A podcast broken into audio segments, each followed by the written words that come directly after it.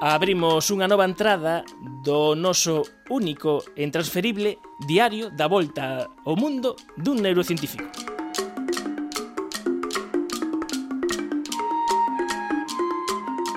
E o noso neurocientífico viaxante, eh, Surso Mariño, que xunto con eli, eh, están a dar a volta ao mundo e deixando reflexo das súas vivencias, aventuras, reflexións, descubrimentos na página web vagamundeando.com.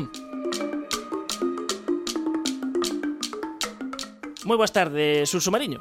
Boas tardes, Manuel, que tal? Pois moi ben, cales son as túas coordenadas? Pois mira, agora estou nun sitio realmente moi extraño. Estou entre o Gran Canón, o Gran Canón do Colorado, e o Val da Morte, o Death Valley, que está máis para o oeste, pero estou no medio eh, nunha cidade que todo o mundo coñece, que se chama Las Vegas. Na última entrada eh, deste diario de viaxe dun neurocientífico o mundo, eh, eh estivemos na Amazonía en Atacama e pasaron xa moitas cousas desde a última conversa que tivemos con Suso Mariño e un dos puntos, eu penso que non sei se son os que valen a pena eh, para toda a viaxe e pasar polas Galápagos.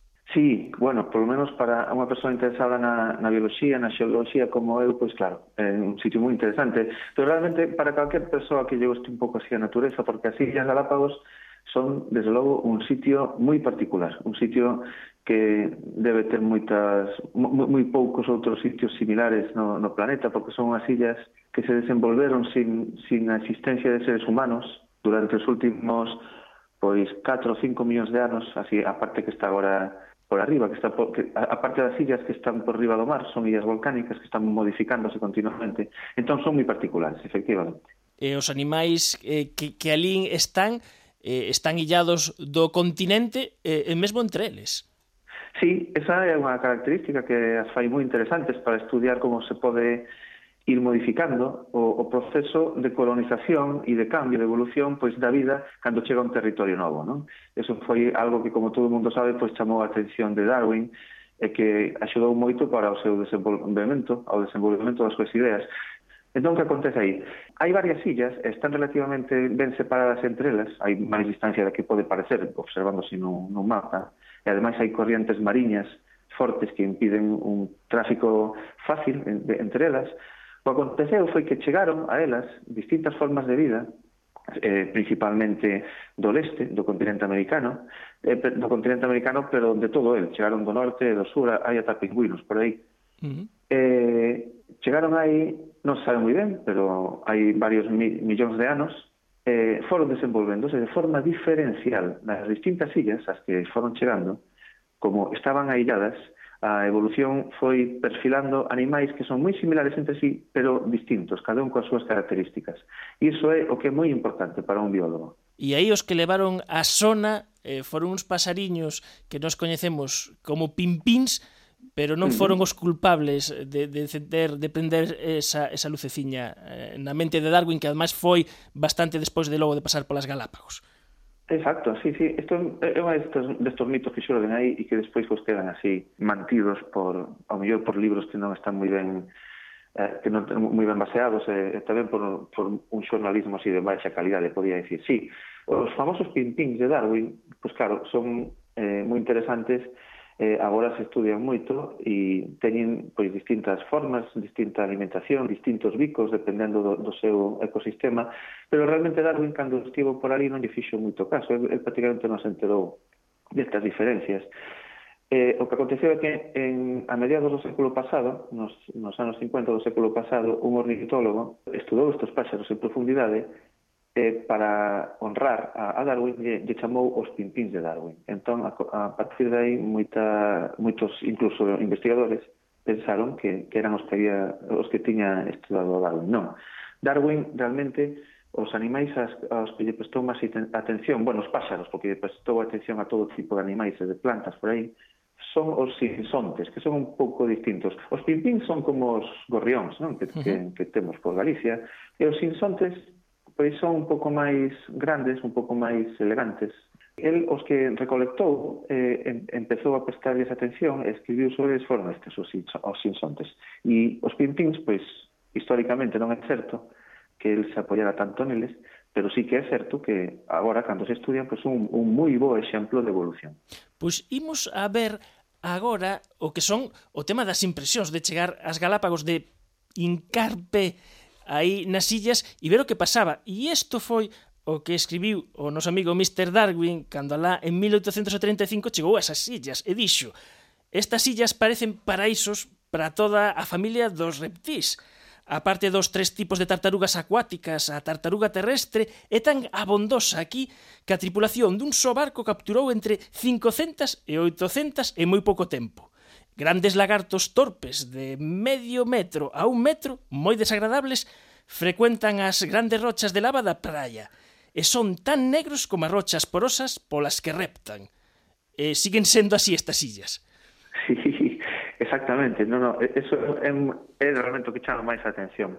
Como esas illas non é un dos poucos sitios, isto non se sobe dicir así moito, pero é un dos poucos así sitios grandes, arquipélagos grandes, que non foron nunca colonizados polo ser humano, ata, un, ata moi pouco, non? Ali chegaron por primeira vez os, os, os españoles, de feito, foi, foi un obispo español en 1535. Entón, todos os animais que andan por aí, aparte de que nunca foron así exterminados, así por, por, la, por la voracidade humana, pois tampouco eh, están acostumados a que a terlle medo, non? Os seres humanos, entón, un chega ali e se ve rodeado de fauna rapidísimamente e chama moito a atención.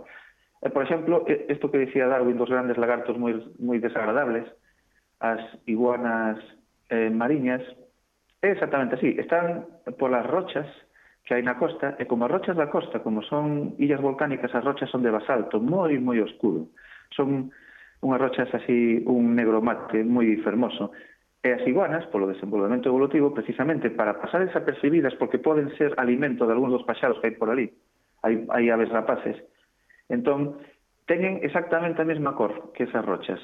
Eh, a mí me pasou, hmm. eh, me chamou moita atención, non o esperaba. Pensaba que iba a ser, un chegaba a unha, a unha praia de cantos destas e iba a ver iguanas por todas partes. Eu non veía moitas, eh, era que non as veía porque estaban perfectamente camufladas. Unha vez que uns adapta un pouco a vista e se acostuma, está todo cheo de iguanas, pero eh, pasan totalmente desapercibidas nun primeiro momento. Eh, tamén, como dicía Darwin, son realmente feas, son uns animais que son, como escribín eu aí no blog, son eh, eh, eh, maravillosamente feas, non? A mí me, me gustan moito, son, me parecen chulos, pero son así como un pouco repugnantes, sí. sí. Un poquinho, dicías, un pouco eh, que poden inspirar a pelis de ciencia ficción. Sí, sí, sí, sí, sí desde logo. Parece un así, para, para inspirar os orcos do Señor dos Anillos, pois eh, tal cual. E hai que levar paraguas, se vas por aí preto das, das iguanas logo. Bueno, eh, realmente se usa chegar bastante, sí, porque as, as iguanas teñen un, un costume que chama moita atención é que eh, están estornudando continuamente. Se eu se queda un rato mirando para unha destas iguanas, das mariñas, ao cabo dun rato, pois moquean, botan así un estornudo que ainda chega, pois a mellor pode alcanzar dous metros de, de longitude. Esa é a maneira que teñen estes animais de desfacerse do exceso de sal, porque Outros animais mariños pois, teñen certos sistemas así fisiolóxicos un pouco máis desenvolvidos, pero como estas iguanas teñen unha adaptación relativamente recente a vivir no mar. Estas iguanas son descendentes de outras que hai mm, por América, non? por moitas zonas de América.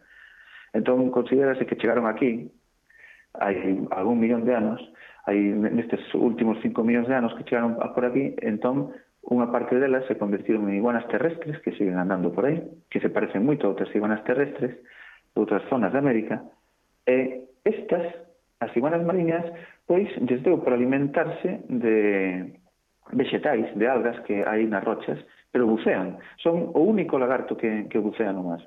Entón, para... aquí teñen un problema, e é que toman un exceso de sal. Entón, a maneira que teñen de eliminar este exceso de sal é mediante unhas glándulas que verten as fosas nasais, entón, están vertendo continuamente un, un pequeno líquido, un líquido que está saturado de sal. Eso o botan para fora. Entón, eso tamén fai que teñan como os morros es así, esblancuxados, non? Blancos, porque tamén teñen o sal se lles vai se, se lles vai cristalizando así na, na cara. E imos dar un, un chimpo, un chimpo xeográfico eh, nesta viaxe ao redor do mundo de Surso e Eli, subistes cara ao norte, pasastes por Cuba, E logo eh, chegastes a Estados Unidos eh, caístes na fascinación do Gran Cañón. Sí, eh, eh, acabamos onte, onte viñamos ali do, do Gran Cañón en onde estivemos tres días. O, a mí me gusta moito a xeoloxía porque, como xa contei moitas veces, é un, é un libro aberto que conta a historia do sitio que se está pisando. Entón, saber interpretar eso é unha maravilla. O Gran Cañón é algo extraordinario porque é un furado enorme de casi 2 km de profundidade, é anchísimo, que, que, que apareceu aí, bueno, apareceu, foi escalándose pouco a pouco no medio do deserto de Arizona. É extraordinario porque conta a historia da, do planeta Terra pois ao longo de, de máis de mil millóns de anos, de atacase dos mil millóns de anos. Unha das cousas que sei que debe sorprender estando ali que o río Colorado, polo menos en algúns tramos, xa non é Colorado. Non, claro, no, o río Colorado é o nome que lle puxeron os españois cando andiveron por aquí, lle chamaron así porque o, o río Colorado natural era un río pois dese color, cheo, dese color ver, avermellado así do, do barro que vai levando, non? Pero construíron unha, unha presa Ten varias presas, pero ten unha, unha presa xusto ao comezo do Gran Canón. Eso é algo que agora nos chamarían... Agora sería imposible facer eso, pero bueno, isto fixeron nos anos 60. Construíron a presa eh, para, para ter auga, de, para, para acumular auga, non para producir electricidade, ainda que tamén produce. A idea era acumular auga, porque isto é un deserto, Entón, a presa modificou por completo o réxime do río, porque quedouse cos sedimentos, entón os sedimentos deixaron de baixar polo río, Entón o río agora ten un color clariño, eh, cambia, así depende de onde se vea, pero un color verdoso, eh, azulado, moi claro. Tamén baixaron as temperaturas do, do río, porque a presa vai soltando agua pola parte de, de abaixo, que está agua moi fría. Entón, ao non baixar os sedimentos, pois as praias que hai no, no río pois van modificándose. Os animais tamén cambian, os, os peixes que viven no río foron cambiando, é moi artificial, non se corresponde co colorado. O sea, agora é o río descolorido, non? Podía chamarse. O río descolorido que en algún tempo foi colorado e agora mesmo toma cores ata verdes. E así, sí. pe... Eh. e así pechamos esta nova entrada do Diario da Viaxe dun neurocientífico ao redor do mundo e non sei se estando aí en Las Vegas si des eh, poñer a proba a teoría da probabilidade ou usas puxestes eu non xogo absolutamente a ningún xogo de azar. Así que se tal mirarei pero bueno eh, esta, esta é unha cidade realmente moi rara aquí crecida da nada para, para permitir isto o, o xogo. Eh, é realmente moi rechamante. Así quedas aquí dous días a, a ver este mundo de marcianos pois tamén é, é, é unha parte máis así da, da viaxe realmente. Esta é a parte sociolóxica. Pois unha aperta sí. moi, moi grande e, e seguimos o, o paso de, de Xurso e Maiseli. E ata a seguinte conexión. Veña, unha aperta vos, e moitas grazas.